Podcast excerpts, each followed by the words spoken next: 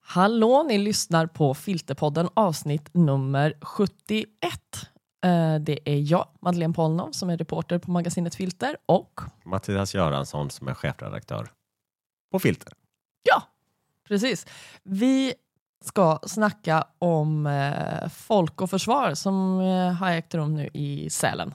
Ja, Mycket snack om detta i år. Kanske inte så konstigt i och för sig. nej det är inte så konstigt. Det är ju både eh, Ukraina-kriget som pågår och så har det ju varit pandemi. Mm. Så att det är ju en liksom eh, back in business eh, för de här personerna som ingår i det svenska försvarsindustriella komplexet med vidhängande institut. Det var, det, var, det var fint uttryckt, väldigt korrekt uttryckt. Ja, Eh, ja, jag lyssnade på Svenskans podd Politiken igår. Uh, där sa de att eh, journalister hade ju faktiskt inte kommit in. De hade fått skriva upp sig på en lista och alla hade inte fått plats i år för det var så populärt. ja, det kan man tänka sig. Har du varit där någon gång? Nej. Jag har Det- faktiskt inte det. Du håller det Men ja, eh, fakt när eh, Björnen kommer hade getts ut, Mm. det måste ju vara fem år sedan nu, så eh, pratade jag och Stina Oskarsson om att ha en eh, alternativ Folk och Försvar på Kulturhuset i Stockholm. Jaha, vad skulle Eh. den heta? Nej men alltså, Folk och Försvar är ju ganska enkelspårigt. Vilket inte är konstigt, det är väl alla den, alltså, den typen av mässor eller eh, konferenser blir ju det. För Mm. att det är en viss krets som samlas. Och det är ingen som anklagar du vet, båtmässan för att vara båtfokuserad liksom, och tycker att det är enkelspårigt. Men säkerhetspolitik är ändå lite bredare och det är som en återkommande eh, kritikpunkt att det är en viss typ av säkerhetspolitik som diskuteras. Att det är eh, försvarsindustrin och försvarsmaktens behov som står i fokus. Mm. Eh, och kanske inte fredsfrågor till exempel eller bredare politiska aspekter vad det gäller krig och fred och sådär. Eh, brukar man klaga på. Och så jag och Stina Oskarsson pratade om att ordna en eh, annan konferens samtidigt som Folk och Försvar var i Sälen. Mm. Och då skulle det vara en bredare, då skulle det vara en försvarsdiskussion och röster från det bredare samhället. Fredsforskare, statsvetare, politiker och människor som hade en mindre militaristisk syn på världen. Men vi döpte den till verklighetens folk och försvar. Oh, verklighetens folk och försvar. Det var bra ändå. Ja, den är jag lite stolt över. Det var jag som kom på det. Ja, bra. Ja, jag gillar ju det där verklighetens folk också. Jag tycker Mm. det var av alla KD-påfund tycker jag nog det är det bästa, den ordkombinationen. Men det blev i alla fall en konflikt med organisationen Folk och Försvar. Mhm. Som fick nys om detta eh, och eh, blev arga och sa att det fick inte heta det eh, för att ja, de skulle hävda någon slags copyright-intrång helt enkelt. Mm. Och eh, vi hade gjort en liten rätt rolig logga som var en, en sån här randig tiger. Fast den ser lite skojfrisk ut och den slickar sig i näsan och sådär. eh, och, eh, men att det var en randig tiger var också omöjligt då, även om det var en uppenbart Ja, det vet man ju. Den är. Ja, ja, det fick ju Aron Flam veta sen. Ja. Tigern, den håller de jävligt högt. Ja. Nej, jag ordbajsar bara nu. Det blev inget av den där konferensen i alla fall. Det låter som ett 70-talspåfund nästan mer än att det hände eh, nyss. Men vad glad jag blev att det var på gång. Ja, men visst, det var väl lite 70-tal över hela tanken, man säga. Ja, vi tänkte i alla fall att vi ska snacka lite mer om eh, Gudrun Persson som väl har hållit ett av de mer uppmärksammade anförandena under konferensen. Men först vill vi bara komma med en eh, påminnelse om att är det så att du vill ha nästa nummer av Filter i brevlådan så är det dags att skaffa en prenumeration nu. Den 17, alltså nästa tisdag, så är sista dag för att teckna prenumeration för att få nästa nummer. Och då går du in på magasinetfilter.se.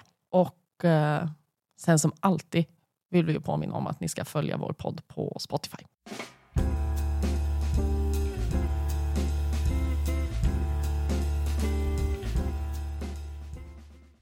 Ja, denna Gudrun Persson då. Alltså jag som inte är så insatt i de här eh, frågorna och kanske inte superintresserad eh, egentligen heller.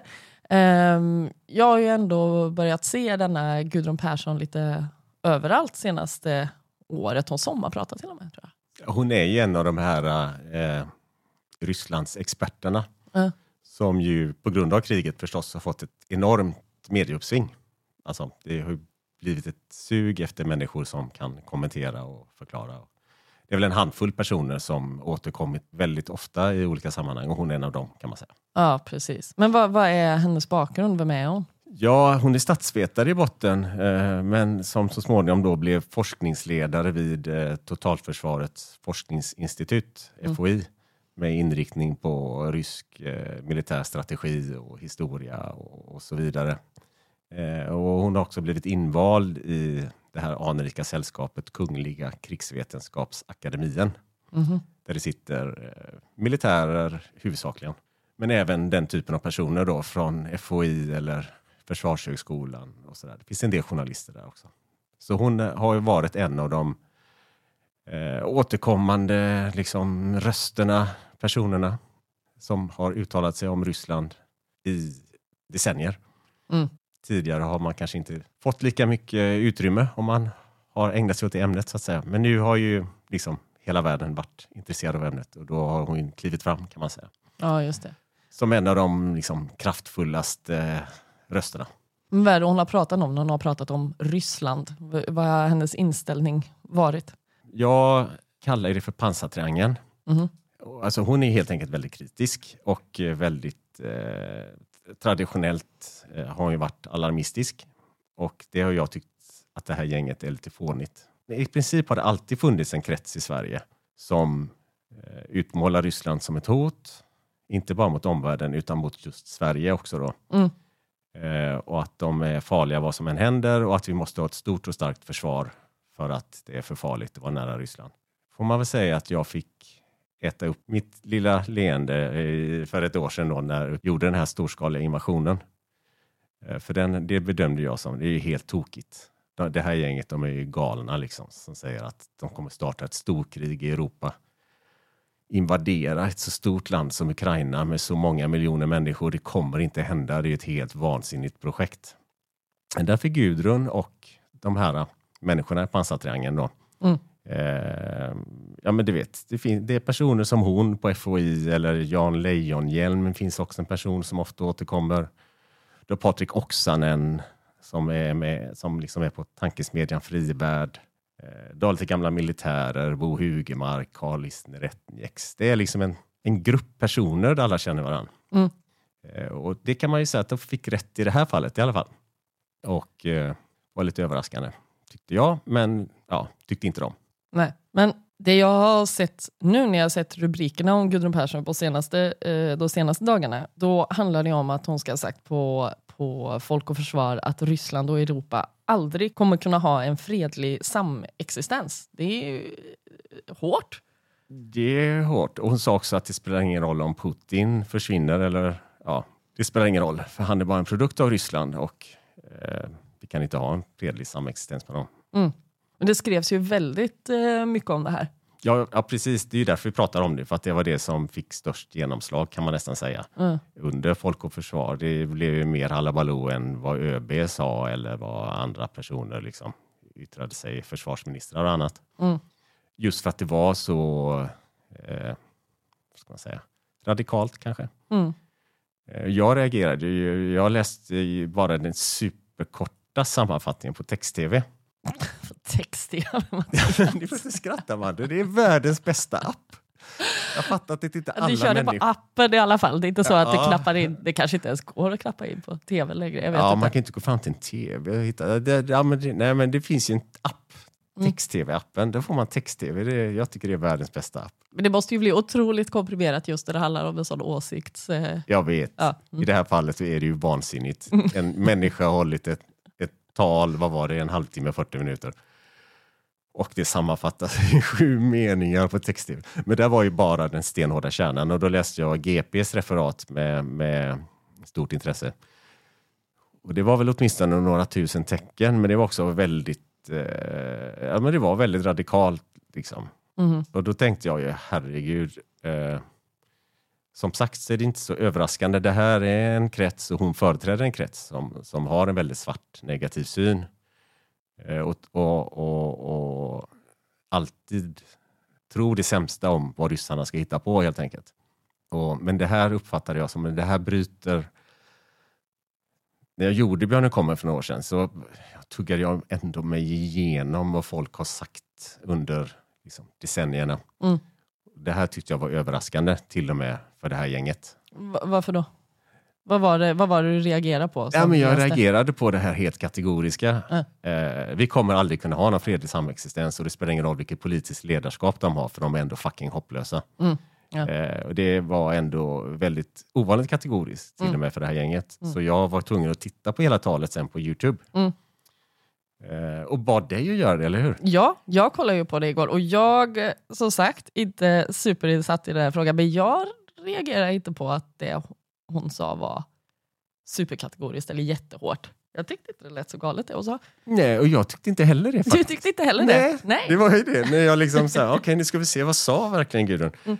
Eh, och, och då sa hon ju rätt mycket sådär, ja men självklara saker. Mm. Liksom. Hon, hon gick igenom, eh, eller, och, och hon var ganska rolig i starten. Eh, den blev också väldigt omtalad. Ska vi höra på starten? Ja, det gör vi. Ja, vi bara hör det korta, korta starten. Ers kungliga höghet, excellenser, mina damer och herrar. Rubriken jag har fått är Fredlig samexistens mellan Europa och Ryssland. Är det möjligt? Svaret är mycket enkelt. Nej.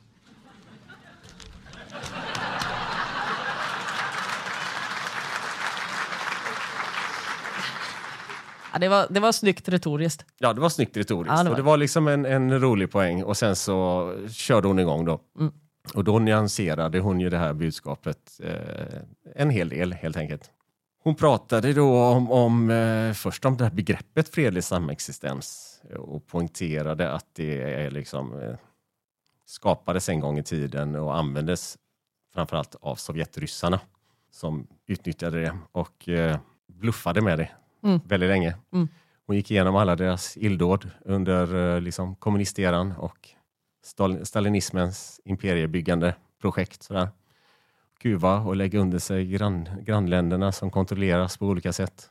Och så gick hon ju igenom den här eh, utvecklingen på senare år eh, där ryssarna har blivit mer och mer radikala. Putin-regimen har liksom gradvis blivit mer aggressiv och gradvis vänt sig från väst.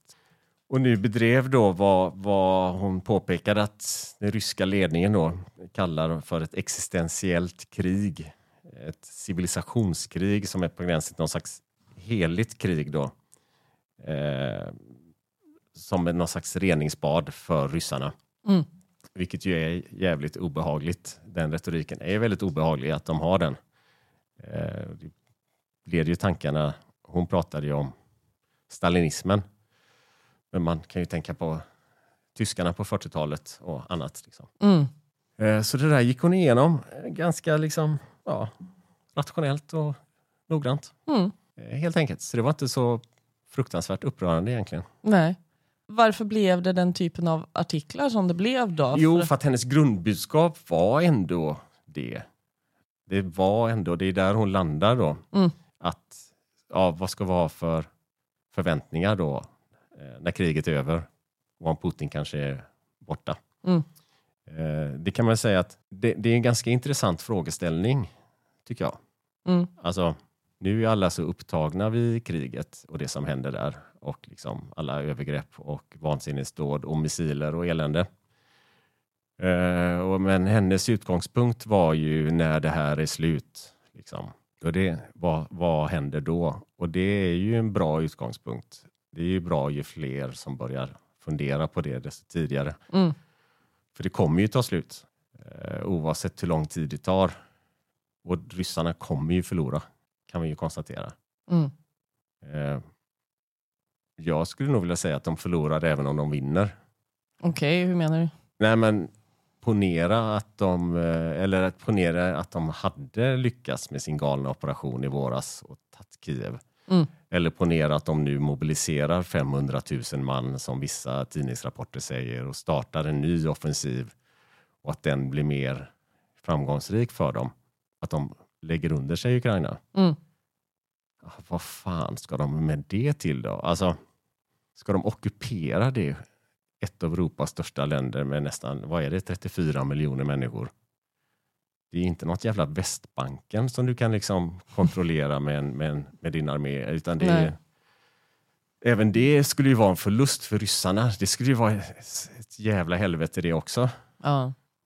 Ett evigt gerillakrig, en evig ockupation som skulle suga alla resurser. Så att de har ju förlorat hur, vad som än händer, men förmodligen förlorar de ju på det andra sättet. Men de är ju körda. Mm. Eh, Och det påpekade ju Gudrun också. Hon sa ju det, apropå den där, eh, hon sa det heter att vi inte ska förnedra ryssarna då, eh, när kriget är över. Men hon sa att de förnedrar ju sig själva nu. Mm. Det har hon ju rätt i. De Mm. förnedrar sig själva. Vi behöver inte vara rädda för att förnedra dem. Det gör de så jävla bra själva. Mm. Och hon påpekade ju att, att det finns ingen återvändo. De har förlorat all respekt och alla kontakter med väst och även sina de här staterna i Kaukasus. Eller liksom. Så de kommer förlora. Mm. De har redan förlorat. Vad ska vi göra? Det är en bra utgångspunkt. Och då kan man ju tänka sig då att det kan vara en tid av hopp, eller hur? ja, visst. Då borde möjligheter uppstå. Någon Ja. annan kommer. Det kan bli bra, det kan bli dåligt, men Ja. vad som än händer så uppstår en chans, eller hur? ja, visst. Då borde vi börja tänka på den chansen. Liksom. Mm. Och Gudruns grundbudskap är trots allt, skit i det. Skit i att tänka på Det kommer inte bli någon chans. Mhm.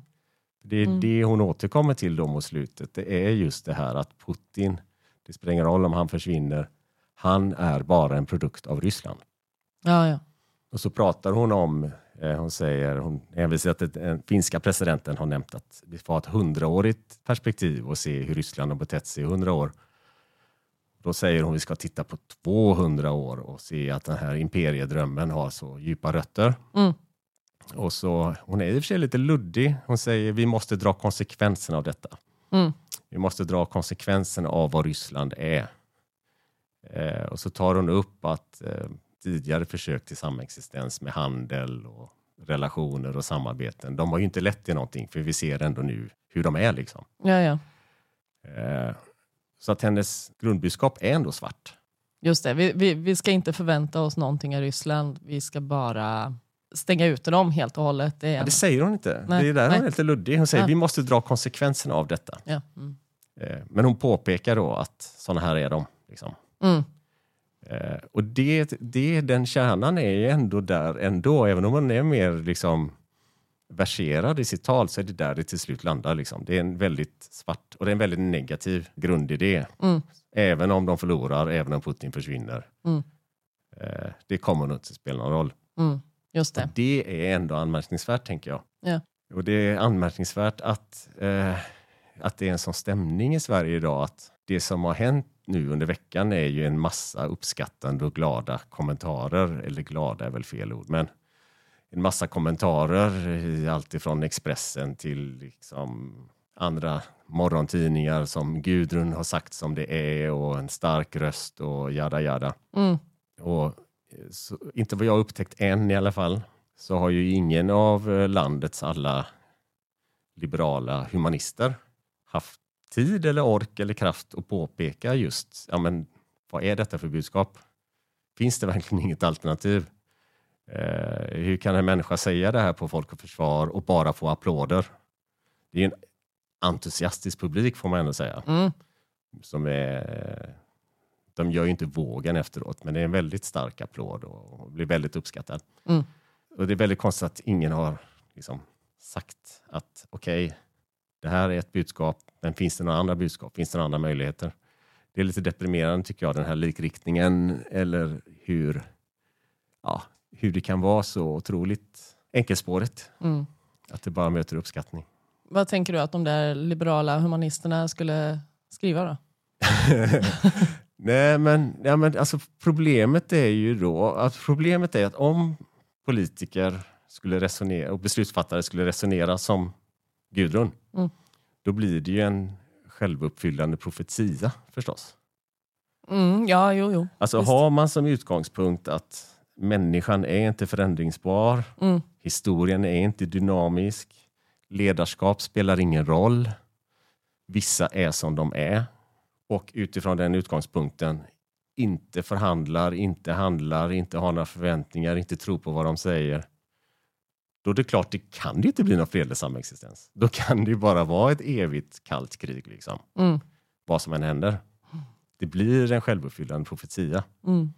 Och det tycker jag är lite knasigt. Eller framförallt för att ja, men, det finns ju väldigt många exempel på att människan är förändringsbar och ledarskap spelar roll och, historien är ju jättedynamisk. Det är den ju förstås. Det har jag väl sett i Sverige ganska nyss, om inte annat. ja, men, Men. NATO. NATO-frågan. Ja, Ja. ja. men precis. Mm. Eh, Gudrun pratar om hur ryssarna är och, och först 100-årigt perspektiv och sen 200-årigt och så de här imperiedrömmarna. Och ta svenska alliansfriheten. Mm. Snacka om lång tradition som har varit skriven i sten. Mm. Det beskriver man ju ofta som något slags sosseprojekt som dök upp under kalla kriget, men det har ju mycket längre rötter än så. Mhm. Ja, men det är en, det är, det är, folk pratar ju om kungahuset och kan kritisera det och sådär, med ja. all rätt. Ja. Men ska man ge svenska kungahuset någonting så är det ju den första Bernadotten. Det är han som kommer in med det här sluga jävla konceptet att vi ska sluta liera oss med den ena och den andra när det är krig. Vi kan Mhm. hålla oss utanför. Mhm. Så att alliansfriheten börjar, har en historia som går tillbaka till början av 1800-talet. Mm. Så visst, Sverige har en, ja, men har en 200-årig tradition där som funkar. Och hur lång tid Men tog det innan historien den är ju, ja, men historien är ju nästan, dynamisk. Folk påverkas av världshändelser som om krig börjar eller slutar. Mm. Och om det politiska ledarskapet har ett budskap. Och där har ju svenskarna svängt skitfort Mm. och kan ändra sig. Mm. Eller ta bara ledarskap och Ukraina då, Zelensky. Ja, verkligen. Där, han har ju verkligen visat att en människas politiska ledarskap kan spela en roll. Hade han pyst efter två dagar när jänkarna ville flyga ut honom? Det här klassiska one-linen, I don't really need a, a ride, I need ammo. Mm. Den kom ju till för att han erbjöds att flyga med övriga ledarskapet. Bara lämna Kiev. Mm. Hade han gjort det? Det vet inte fan hur det hade slutat. Jag menar, vilka hade fortsatt kriga då och kämpa om bara ledningen pyser?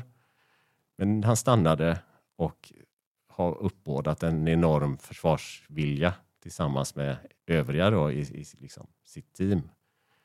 Så att det är klart ledarskap spelar roll. Och om man då säger som Gudrun, antingen så tror hon inte att det gör det, men det tror jag inte att hon tror, utan hon menar ju att just i Ryssland spelar det ingen roll. Eller kanske att det inte finns så många alternativ att välja mellan. Alla, är en, alla som står på tur eller skulle kunna ta över är en produkt av Ryssland. Ja, hon säger ju det i alla fall. Eller hon betonar det Mm. i alla fall. Mm. Då får man ta det nästa led. Okej, just Ryssland spelar ingen roll. Och då, hur förklarar man det då? Är det någon slags rasbiologisk förklaring? Att liksom, ryssar är något annat än alla andra människor? Alltså det blir väldigt, också väldigt märkligt. Mm. Nu hårdrar det väldigt långt. Nu hårdrar nu hårdrar det väldigt Ja. långt, men man undrar verkligen, man skulle vilja ha den förklaringen. Ja.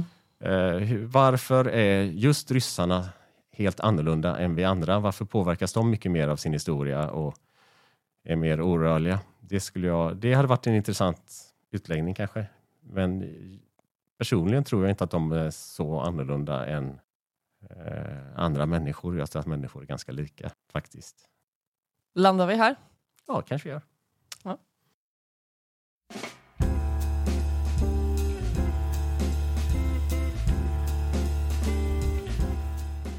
Ja, nu ska vi eh, återgå till att göra klart nästa nummer av Filter. Vi lämnar till tryck om ett par dagar, så det är frenetiskt. Du och jag sitter mitt emot varandra med varsin dator och kortar vartannat stycke i mitt långa reportage om eh, ett märkligt barnomhändertagande. Ja, Eh, det det kom- kan vi säga då att ibland tycker folk att filtertexter är långa. mm, Men om de skulle bara veta hur jävla långa de är från början. Ja, då skulle ni vara tacksamma. Hur korta de är. Ni har suttit och strukit i några dagar. exakt, exakt. Ja, det här, var, här har jag skrivit eh, väldigt, väldigt långt, eh, måste jag säga. Men det fanns också väldigt mycket att berätta i den här historien. Mm. Eh, resultatet av det får ni alltså i nästa nummer. Som vi sa förut, vill du ha det i lådan så behöver du teckna en prenumeration nu. Senast på tisdag på Det är magasinesfilter.se. inte bara deppigt nummer. Det är några lite roliga saker också, eller hur? Ja, det kanske är värt att lyfta upp för att det här är på riktigt en otroligt deppig historia. historia. Eh, Jag tycker det är Marcus Jon som har skrivit om eh, den heta så kallade fun funktionsdrycksmarknaden. Precis. Och det Energidrycker tänker man ju Då ofta. tänker man ju det. Men det hetaste heta nu det är avslappningsdrycker. Mm. Motsatsen till energidryck. Mm. Även det går ju att, att stoppa i burk och sälja till ett kraftfullt överpris. Med tanke på att det bara är vatten egentligen, men lite tillsatser. Mm. Eh, Så han följer några entusiastiska entreprenörer som tillhör de första på den svenska marknaden med en svensk eh, avslappningsdryck. Mm. Ja, det Det är är kul. glad läsning. Det är glad läsning. Lite ironisk var jag nu, men ja. Nej, men det är kul. Det är Ja. kul. Absolut. Eh, och eh, som vanligt ett gäng intervjuer och eh, Mm. annat. Eh, nästa podd kommer om två veckor som vanligt. Då ska vi som sagt prata mer om mitt reportage. Men eh, nu behöver vi jobba mer med det. Ja. Ja. Ha det gott så länge.